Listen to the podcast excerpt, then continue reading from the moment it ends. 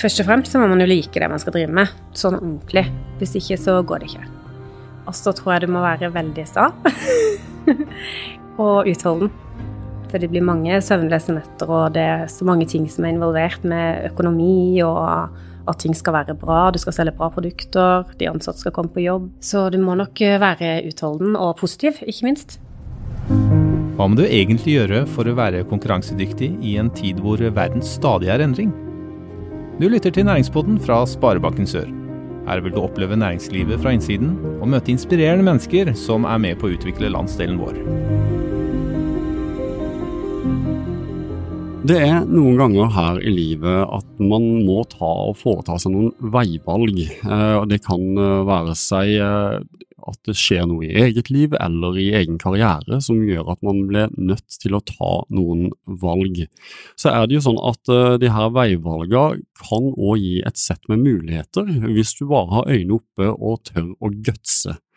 Og det er kanskje tilfellet for dagens gjest Linda Andersen. Velkommen til Næringspodden. Takk. Hvis du møter noen for første gang som du aldri har møtt før, og skal presentere hvem du er og hva du gjør, hva bruker du å si til dem? Da pleier jeg å si at det er Linda Andersen, og at eh, jeg er mamma til en gutt på åtte. Eh, og samboer med Kenneth, og at jeg driver mikrobakeri i Arendal. Og mikrobakeri er jo det vi skal snakke litt om i dag. Du driver i dag tre bakerier gjennom mikrobakeriet, eh, men la oss eh, spole tida litt tilbake, rett og slett til 2016. Så måtte du foreta deg et eh, valg. Kan du fortelle litt om nettopp reisen og det som starta hele mikrobakeriet? Det ble jo dårlig tid i Nordsjøen, og jeg hadde jobba i Nordsjøen i åtte år. Så vi ble jo sagt opp, da. Og lurte litt på hva jeg skulle drive med videre. Så jeg er utdanna vernepleier, så jeg tenkte litt på å jobbe som vernepleier. Men samboeren min han jobba sånn medleverturnus, så det var veldig vanskelig å få til. Da måtte jeg ha en dagjobb, og det er kjempevanskelig å få. Så da tok jeg og Anja, en kollega fra Nordsjøen, og satte hodene sammen og fant ut at vi skulle starte et bakeri. Så da begynte den reisen. Mm. Når det var det sånn at dere impulsivt uh, fant ut at dette, vi bare gjør det? Når du jobber i Nordsjøen, så er det fire uker fri av gangen. Og det, da kan du av og til bli litt rastløs. Så vi hadde jo prata mye om å kanskje få til et eller annet når vi var hjemme, men det er vanskelig å kombinere en to-fire-turnus og et, uh, en bedrift på land, da, så det var ikke så lett å finne ut av. Men nå løste det seg jo egentlig kanskje litt sjøl. Og jeg er jo konditor fra før av, så jeg jobba i bakeri tidligere. Men det var jo da nesten 20 år siden.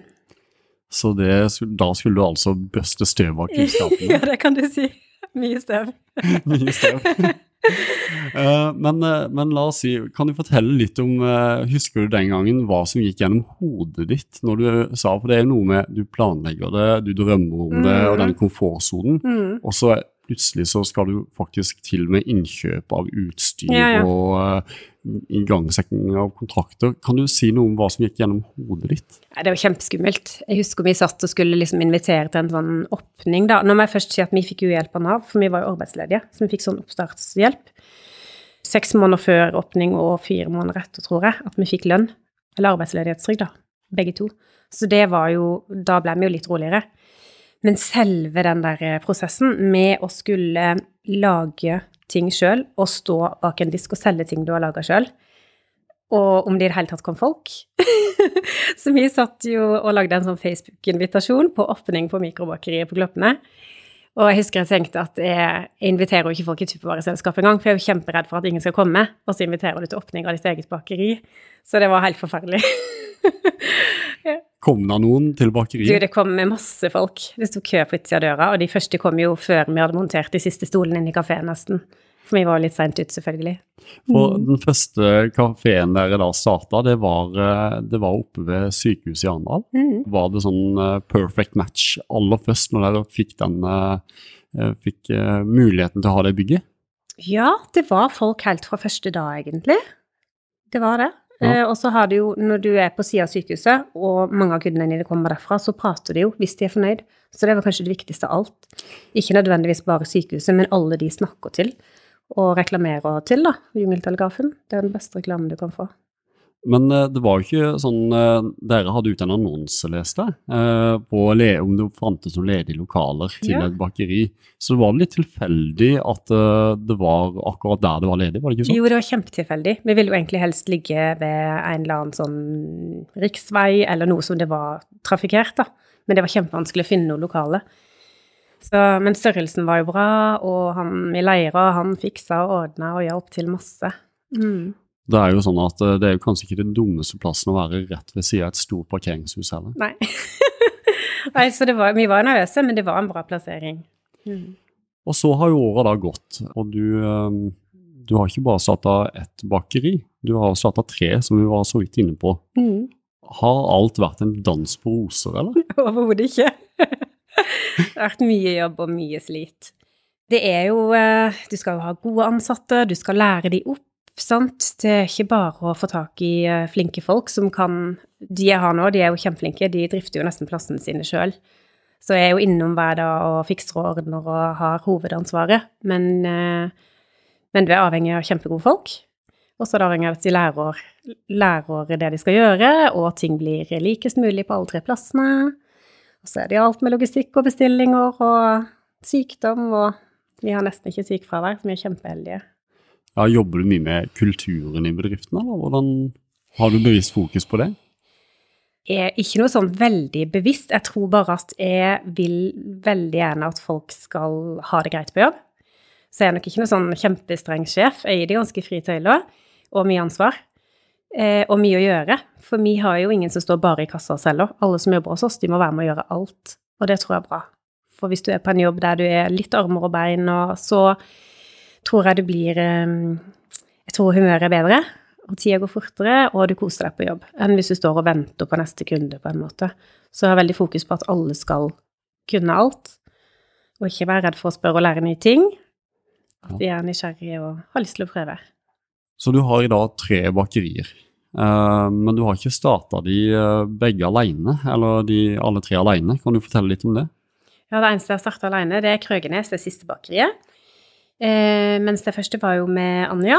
Og så ga jo hun seg etter ca. åtte måneder, og da fikk jeg inn Jeg var litt redd for å være alene, så jeg fikk inn en eh, ny venninne eh, som heter Torunn, som vi starta Strømmen sammen. Men nå driver jeg alt alene. Hvor mange ansatte er der i dag? Ti ansatte. Ti ansatte, så det Mm. begynner å bli en eh, fin bedrift, dette Begynner å bli litt. Ja. Ja. Du har jo i dag ansatte, og du driver selskapet sjøl, men så har du òg et samarbeid med Nav i dag. Kan du fortelle litt om det? Ja, jeg får eh, ofte spørsmål om utplasseringer. Og litt sånn forskjellig eh, jobbsmak, heter det vel, sånne ting. At folk kommer innom og ser om de kan like det. Og, og til nå så har jeg i hvert fall ansatt to av de som jeg har hatt innom. En av de jobber 100 hos meg. Eh, Så det er, jeg syns det er greit å få folk den veien, for da får jeg prøvd de litt ut og se om de liker det, og om jeg er fornøyd, før en eventuelt ansetter folk, da. Mm. Så fra sjøl å egentlig være søker hos Nav og starte opp, så er det nå en ressurs for Nav. Ja, egentlig. Det er jo noe å få en fjær i hatten for, det vil jeg si. Um, når du da har ti ansatte, du skal ha omsetning i butikkene dine, du skal uh, Det er jammen mye å tenke på, men eh, for å få den omsetninga, så må du ha kunder. Og for å få kunder, så må du markedsføre. Og hvordan markedsfører du deg, Linda? Du jeg er jo ikke kjempegod på Instagram og Facebook og sånne ting, så vi har jo hatt noen annonser i sånn markedsaviser og Agderposten og sånne ting. Eh, og sponser litt her og der. Eh, men utenom det så er det jo eh, jungeltelegrafen. Det er det at folk prater, rett og slett. Mm. Så det er det rett og slett at du lager gode produkter som gjør at uh, Ja, det selger seg sjøl? Hvis folk er fornøyd, så kommer de jo tilbake, og så prater de om det. Så det er egentlig ja, beste reklamen, det. Dette her er bare en liten avbrytelse i eh, samtalen. Du skjønner, eh, de episodene her publiseres under det vi kaller Gründeruka i Agder. Og for å si litt om hva denne uka innebærer, har jeg fått med meg Linn Therese. Kort oppsummert, Linn Therese, hva er Gründeruka? Gründeruka er for deg som, eh, som har en idé, og som du tenker bør deles med resten av verden, eller som er knakende dyktig på noe du tenker bør bli levebrødet ditt. Eller det er for deg som allerede har tatt steget og er gründer. eventuelt om du jobber i en etablert virksomhet og ønsker nye impulser og inspirasjon. Er det sånn at du må nødt til å være gründer og veldig kreativ for å delta på de arrangementene her? Absolutt ikke. Jeg tenker at eh, du kan komme på gründeruka for å bare møte noen som bare kan utfordre deg og engasjere deg også. Og la oss si at det er noen av lytterne våre som eh, tenker at dette her skal uh, se mer på og høre mer om. Hvor er det de da kan gå for å få mer informasjon? Da klikker du deg inn på gründer365.no for å se hele programmet, eller du besøker oss på vår Facebook-side Gründeruka Agder. Da må du ha lykke til med arrangementet, og uh, nå tilbake til episoden. Nå har du drevet i noen år allerede. Ja, Eh, fire år i desember. ja. Føler du tida har flydd? Eh, både ja og nei. ja, det er todelt. Eh, Men hva har vært det mest utfordrende med nettopp det å starte for seg sjøl og, og drive, ikke minst òg? Det er jo alle timene det tar. Det tar vanvittig mye tid. Eh, Du er jo på en måte alltid på jobb, i hvert fall de første åra, og alltid tilgjengelig. Jeg syns ikke det er utfordrende mm, å være på jobb og jobbe fysisk og bake og sånne ting. Da koser jeg meg. Det mest utfordrende, det er alt som kommer på mail, og alt du skal svare på, og alle telefoner du skal ta, og sånn, sånn som kommer på toppen av selve jobben. Det syns jeg er mest krevende. Men hvis vi da eh, tar eh, det motsatte, da, for ok, det, det koster krefter, det koster tid, det tar tid av eh, andre ting du kanskje heller gjerne skulle ha jobba med av og til. Men uh, la oss snu litt på det og si hva, hva er det du føler du får igjen for det strevet du legger i det? Ja, jeg tror det handler om å få det til, først og fremst. Når vi starta, så var aldri penger var aldri motivasjonen. Det var å ha en jobb som du hadde lyst til å gå på, og være litt som din egen sjef, på en måte. Eh, så det Jeg tror det handler egentlig om å få det til, å få hjula til å gå rundt. Mm. Og hvordan får man hjula til å gå rundt på et eh, bakeri? Må bake masse. eh, ja, så tar det timene, da. Det er mye jobb. Mm. Ja, for det, det å starte og drive en butikk er jo uh, uten tvil uh, mye jobb. For i 2016 så, så leste jeg det at du fikk et spørsmål om hva som holder deg oppe om nettene. Hvor du da svarte planlegging av dagen og analyser av dagen er det som holder deg gjerne oppe om nettene. Mm. Eh, Hvordan har det bildet der endra seg i dag?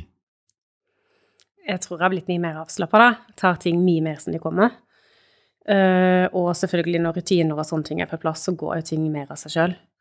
Mm. Så jeg føler ikke at jeg tar med meg jobben hjem så mye lenger. Hva er teknikkene du bruker for å rett og slett koble av når du er av da? ja, det kan du si. Du, jeg har ikke hatt tid til å gjøre så veldig mye de siste åra. Så det er jo egentlig når jeg har fri, så er jeg med familien. Og venner når jeg har tid. Og slapper av.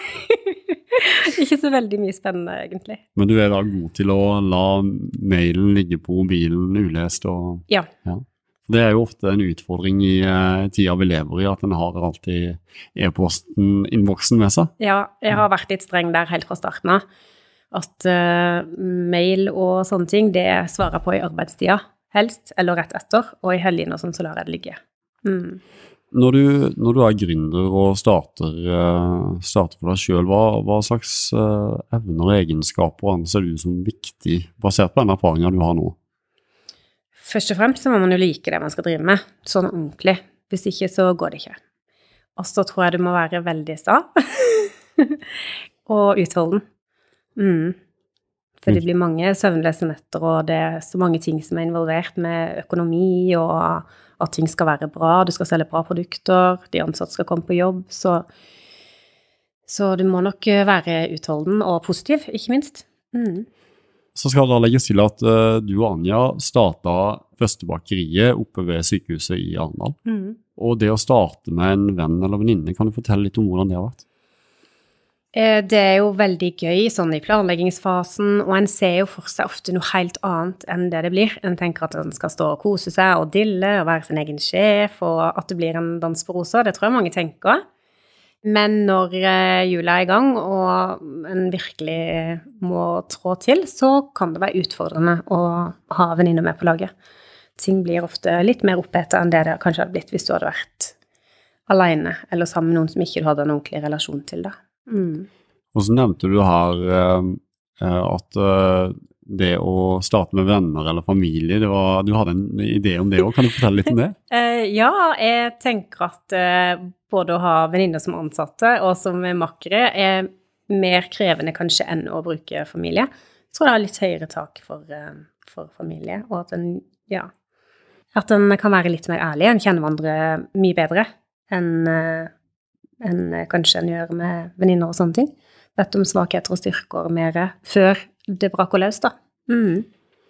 Så, så, er det sånn at du, du nevnte at uh, i oppstarten så fikk dere oppstartshjelp av Nav. Uh, litt mer konkret, uh, hvilke oppstartsressurser har dere brukt? Vi brukte jo sparepengene våre til å kjøpe inn utstyr og gjøre klart lokaler og alt og sånne ting. Det var det jo ikke så lett å få tak i lån når du starter en bedrift første gang. Første året er jo krevende. Så eh, vi brukte sparepengene våre i Ånja, og så fikk vi da eh, arbeidsledighetstrygd i eh, ja, Det var vel kanskje ti måneder til sammen med oppstart og, og før oppstart av Nav.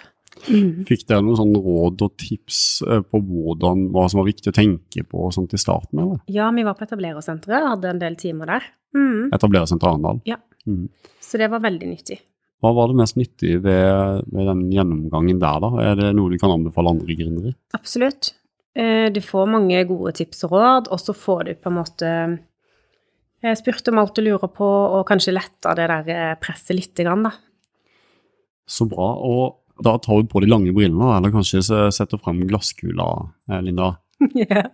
Mikrobakeriet om fem år, hvor er du? Det vet jeg ikke. Det kommer an på energinivå og hva som skjer, men er, er, Når du har starta tre bakerier på tre år, så er du kanskje en person som eh, jager litt, da. Etter neste mål. Så eh, det er ikke sikkert det blir det siste på kregenes. Er det her i Arendal du ser på deg, eller er det at du ekspanderer utover òg? Nei, jeg tenker kanskje at det blir utenfor Arendal, da. Mm. Mm. For nå har vi liksom dekka, dekka tre ytterkanter av Arendal. Mm. Spennende. Hvis du hadde visst det du vet nå, mm. når du starta, hva hadde du sagt til deg sjøl den gangen? Ikke gjør det. I hvert fall de to, to første åra. Ja. Det er mye mer jobb enn en kan tenke seg. Så hvis jeg hadde visst hvor mye jobb det var, så hadde jeg ikke kanskje gjort det en gang til. Men nå kan jeg gjøre det mange ganger, og jeg angrer selvfølgelig ikke. Mm. Hvis du har råd om driften, da, eller andre som eh, ønsker å starte sin egen bedrift, har du ett tips til dem? Bortsett fra ikke gjør det. Vær nøysom og jobb mye sjøl. Bruke litt penger. Så du Det er kanskje noe av det mest utfordrende med å starte, er jo økonomi. Eh, du får ikke de høyeste lønningene fra starten av. Så det handler mer om utholdenhet? Ja, det tror jeg. Ja. Mm så er det jo sånn at eh, det å starte eh, en bedrift det tar så ekstremt mye tid, og det er jo ikke bare du det går utover. Du har en eh, sønn, du har en mann og, og, andre rundt deg som er med og løfter eh, den bedriften opp. Kan du si litt om det? Ja, det hadde jo aldri gått uten. Uh, uten hjelp fra familie og samboer og sånne ting, så hadde det jo ikke gått. Både med husarbeid, matlaging, barnepass og alt som skal gjøres i hverdagen. Takk til de. Helt eh, avslutningsvis så bruker jeg å stille mange det samme spørsmålet, i og med at dette kalles en næringspodden. yeah. så, eh, så, liker vi å spørre det faste spørsmålet. Hva er det som gir du næring og inspirasjon i hverdagen? Tenker du på jobb, da? Nei, det kan Eller være hva som helst. Din definisjon. eh, nei, det er altså jobb. Jeg er jo veldig glad i jobben min. Kjempeglad i jobben min. Jeg liker å gå på jobb hver eneste dag. Mm, stort sett. Så det er jo eh, en av tingene. Og så er det jo familie og venner, da, selvfølgelig. Så bra. Ja, men du, eh, Linda, jeg tror eh, vi er egentlig ved veis ende. Så jeg vil bare avslutte med å si tusen hjertelig takk for at du hadde tid til å ta en liten prat med oss i Sparebanken Sør. Du lyttet nettopp til næringspodden av Sparebanken Sør. For flere episoder, gå inn på sor.no slash podden. Her kan du gi ris eller ros samt tips til andre næringsdrivende vi bør intervjue.